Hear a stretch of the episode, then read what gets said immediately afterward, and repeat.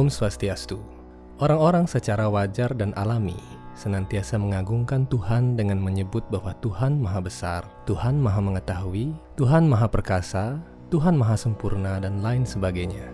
Tetapi pernahkah kita bertanya, siapakah Tuhan itu? Sebesar apa? Sepandai apa? Atau mungkin sekuat apakah Tuhan? Kitab Suci Weda menjelaskan seluruh ciri Tuhan dengan detail melalui catatan sejarah panjang saat beliau melakukan kegiatan-kegiatan rohaninya di alam semesta material, khususnya di bumi. Tuhan berkarunia memberikan pemahaman yang mudah bagi umat manusia untuk memahami dirinya, dengan turun secara langsung memperlihatkan wujud-wujudnya yang kekal dan menarik, serta memperlihatkan banyak keajaiban agar umat manusia dapat lebih mudah mengenali dirinya. Lalu seperti apakah penjelasan kitab suci Weda tentang ciri-ciri Tuhan? Mari kita coba menjawab beberapa pertanyaan ini dengan penjelasan yang mudah dimengerti sehingga kita dapat lebih mengenal keistimewaan yang dimiliki Tuhan menurut kitab suci Weda. Video ini dibuat dengan proses yang cukup panjang dan diambil dari sumber-sumber yang keabsahannya dapat dipertanggungjawabkan.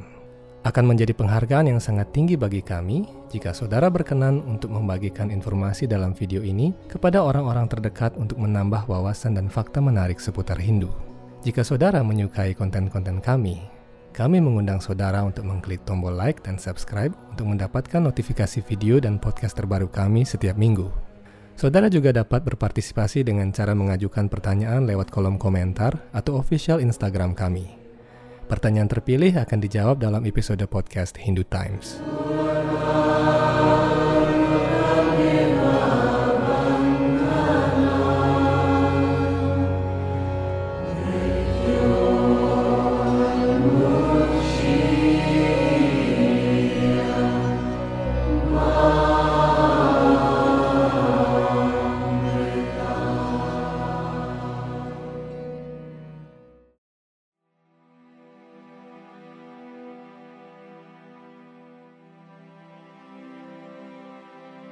Saat kita meyakini sebuah agama, sepantasnya kita mengetahui sejelas mungkin mengenai Tuhan, mulai dari nama, wujud, ciri-ciri, kegiatan rohani, dan sifat-sifat rohaninya. Tuhan dapat berwujud menjadi apa pun sesuai dengan kehendak Beliau. Tidak ada satu kepribadian pun di alam semesta ini yang berhak untuk membatasi Tuhan. Di dalam kitab suci Weda, Tuhan memiliki banyak wujud, baik wujudnya yang personal seperti Narasinga, Wamana, Ananta Dewa, Wisnu, Rama, dan sebagainya, maupun aspek beliau sebagai Brahman yang impersonal atau tanpa wujud. Seluruh wujud tersebut sebenarnya adalah Tuhan yang sama, dan Weda membenarkan pemujaan kepada semua wujud Tuhan tersebut. Pada saat yang sama, Weda menyatakan bahwa Tuhan juga memiliki wujud yang utama, yang paling lengkap dan sempurna dalam wujud Sri Krishna, yang badan rohaninya kekal, penuh pengetahuan dan kebahagiaan. Hal ini ditunjukkan oleh Tuhan sesuai kapasitas misi dan kegiatan rohani beliau ketika turun ke dunia material, khususnya ke bumi. Sesungguhnya jika kita mengakui uraian Weda, kita tidak perlu lagi bingung mengenai siapakah Tuhan. Beliau adalah yang maha nyata, karena seluk-beluk tentang Tuhan diuraikan dengan jelas dalam kitab suci Weda tanpa ditutup-tutupi. Tuhan dalam istilah Sanskerta disebut sebagai Bhagawan, yang artinya ia yang memiliki segala kemewahan. Dalam Weda Wisnu Purana, buku ke-6 bab 5 ayat 47, disebutkan dengan jelas enam kriteria atau ciri utama Tuhan. Dengan melihat keenam ciri utama ini, seseorang akan bisa membedakan yang mana Tuhan dan yang mana bukan Tuhan. Tuhan adalah Dia yang memiliki kesempurnaan dalam enam kriteria, yakni kekayaan, kekuatan, ketampanan, pengetahuan, kemasyuran, dan ketidakterikatan. Siapa pun yang memiliki semua itu secara sempurna dan tanpa tandingan, maka dialah Tuhan. Untuk mengetahui lebih jauh lagi, mari kita bahas keenam ciri utama tersebut satu persatu sesuai dengan uraian kitab suci Weda. Ciri atau keistimewaan Tuhan yang pertama adalah Shriyah atau kekayaan yang tiada batasnya. Kitab suci Weda memberikan banyak bukti tentang kekayaan Tuhan Sri Krishna yang tiada batas. Sebagai contoh kecil, pada saat beliau melaksanakan kegiatan rohaninya di Brindawan, beliau menunjukkan kekayaan dan kedermawanannya kepada seorang wanita penjual mangga. Pada saat wanita itu sampai di depan rumahnya, Tuhan Sri Krishna berlari ke dapur dan mengambil segenggam beras untuk ditukarkan dengan mangga yang manis. Karena tangannya yang begitu kecil, hanya sedikit sekali beras yang berhasil diberikannya kepada wanita itu. Karena ketampanan Tuhan, pedagang mangga itu memutuskan untuk memberikan setumpuk mangga yang besar kepada Tuhan Sri Krishna. Ketika wanita itu beranjak pergi, tiba-tiba keranjangnya menjadi sangat berat. Ia pun penasaran dan membuka penutup bakul yang dibawanya. Secara ajaib, mangga-mangganya telah berubah menjadi perhiasan yang sangat tinggi nilainya. Nama lain Tuhan Sri Krishna adalah Srinata atau Sripati, yang berarti penguasa Dewi Kemakmuran atau Lakshmi. Dewi Lakshmi senantiasa bersemayam di dada Tuhan dalam wujud tanda Sriwatsa yang berupa kumpulan rambut halus berwarna keemasan. Hanya Tuhan Sri Krishna dan wujud-wujudnya yang lain yang memiliki tanda Sriwatsa ini. Karena tanda ini pula, di Bali, beliau dikenal sebagai Batara Rambut Sedana yang menguasai kekayaan. Hal ini juga ditunjukkan ketika beliau menjadi raja di Dwaraka, bahwa kerajaan beliau memiliki kemewahan melebihi Dewa Indra. Para dewa pun silih berganti berkunjung ke kerajaan itu, sambil terkagum-kagum akan kemewahannya. Di dalam kerajaan tersebut, ada permata yang sangat bernilai yang menghiasi pilar-pilarnya, sehingga setiap orang bisa bercermin di sana. Kubah-kubah istananya terbuat dari emas dan permata cintamani yang sangat bernilai. Di sana juga ada taman-taman yang indah dengan bunga-bunga dan buah-buahan yang terus ada tanpa memandang musim. Ciri kedua adalah wirya atau kekuatan tanpa tandingan. Bagaimana contoh kekuatan Tuhan yang tanpa tandingan dijabarkan dalam banyak sekali kisah sejarah Weda. Tatkala Dewa Indra menjadi sombong atas kekuasaannya, beliau menurunkan hujan badai selama tujuh hari tanpa henti di tanah suci Brindawan. Untuk melindungi para penduduk Brindawan, Tuhan Sri Krishna mengangkat Bukit Guardan selama tujuh hari tanpa istirahat dengan kuku jari kelingking kirinya. Bagaikan anak kecil yang mengangkat sebuah jamur. Ajaibnya lagi, pada saat itu tidak ada seorang penduduk pun yang merasa cemas, haus, ataupun kelaparan.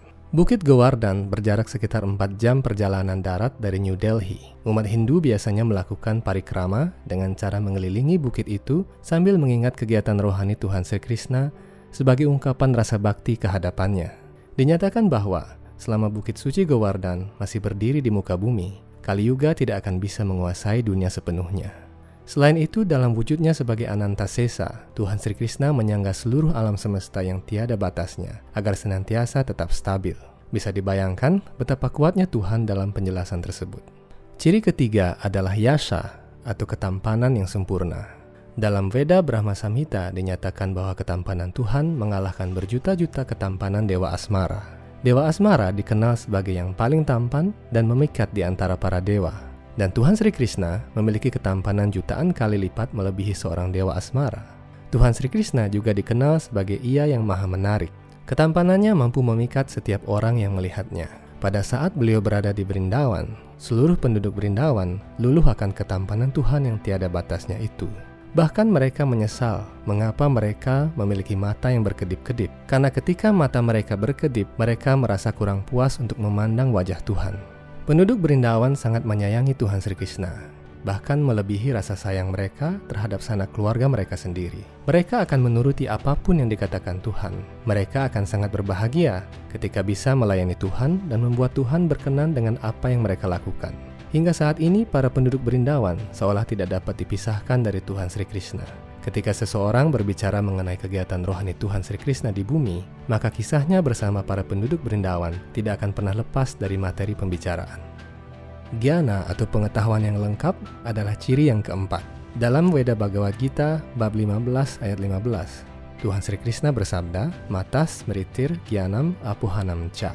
Ingatan pengetahuan dan pelupaan berasal darinya. Jadi Tuhan adalah sumber pengetahuan yang tanpa batas. Pada saat peperangan di Kuruksetra, beliau menyampaikan pada Arjuna bahwa beliau mengingat semua penjelmaan awataranya di masa lampau, masa sekarang, dan masa yang akan datang. Beliau juga mengetahui keberadaan semua makhluk hidup, sedangkan Arjuna tidak dapat mengingat bahkan satu kelahirannya terdahulu. Contoh lain adalah Tuhan Sri Krishna juga mengetahui alasan mengapa Ibu Drupadi sampai memiliki lima suami. Tatkala perang berkecamuk, Beliau mengetahui semua kelemahan musuh, bahkan Bhisma yang agung pun takluk di depan Tuhan Sri Krishna. Dengan pengetahuannya yang tidak tertandingi, seluruh siasat licik Sakuni yang dikenal sebagai ahli strategi kalau perang itu dapat digagalkan oleh Tuhan dan dibuat tidak berkutik di hadapan Tuhan Sri Krishna. Hanya dengan siasat dan taktik yang beliau gunakan, tanpa mengangkat senjata rohaninya sekalipun, para Pandawa mencapai puncak kejayaan mereka dengan bimbingan Tuhan sendiri. Kekuasaan dan kemasyuran yang kekal atau Aishwarya adalah ciri yang kelima. Tatkala Tuhan Sri Krishna turun ke muka bumi dan mewujudkan dirinya sebagai anak-anak berusia 12 tahun, beliau berguru kepada Resi Sandipani. Gurunya meminta agar Tuhan mengembalikan putranya yang telah meninggal. Kemudian Tuhan Sri Krishna datang ke Pitraloka ke tempat Dewa Yama berada untuk meminta kembali putra gurunya. Melihat Tuhan tiba, Dewa Yama langsung berdiri dan bersujud di kaki Tuhan yang berwujud seorang anak remaja itu. Dewa Yama, sang penguasa kematian, akhirnya menghidupkan kembali putra Resi Sandipani dan mengembalikannya ke bumi atas perintah Tuhan Sri Krishna. Dalam kitab suci Weda Bhagavad Gita bab 10 ayat 27, Tuhan Sri Krishna menyatakan, "Di antara manusia aku adalah raja, jadi secara nyata beliau adalah raja.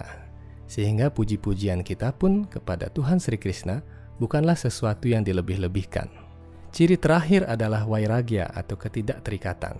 Tidak ada seorang pun yang dapat mengatakan bahwa dirinya tidak terikat. Ada banyak orang yang pandai, tampan, cantik, terkenal, ataupun kaya, tetapi dari seluruh makhluk hidup di alam semesta, tidak ada satupun yang dapat mempertahankan hal itu selama-lamanya. Banyak orang-orang tersebut yang terlalu terikat dengan ketampanan, kekayaan, dan kepandaian yang mereka miliki, sehingga pada saat meninggal mereka merasakan duka yang sangat mendalam karena tidak bisa lagi menikmati segala jenis kenikmatan duniawi tersebut. Hal ini berbeda dengan Tuhan. Pada dasarnya, beliau tidak dapat diikat atau terikat oleh apa pun juga, melainkan segala sesuatulah yang terikat dan bergantung kepada beliau. Bukti bahwa Tuhan Sri Krishna tidak terikat adalah ketika beliau mengakhiri kegiatan rohaninya di bumi. Beliau tidak terikat pada kerajaan dan harta benda yang beliau miliki. Kerajaannya di Dwaraka yang penuh dengan keagungan itu ditenggelamkan sesuai dengan kehendaknya sendiri. Namun atas kasihnya yang tiada sebab, Tuhan Sri Krishna berkenan untuk diikat dengan cinta bakti yang murni oleh para penyembahnya. Tuhan Sri Krishna tidak bisa meninggalkan para penyembahnya yang berbakti tanpa motif apa pun.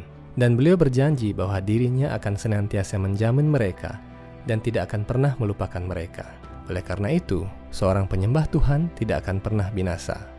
Contoh lain ketika Tuhan akan berangkat menuju Mathura dari Brindawan untuk bertempur dengan Kamsa.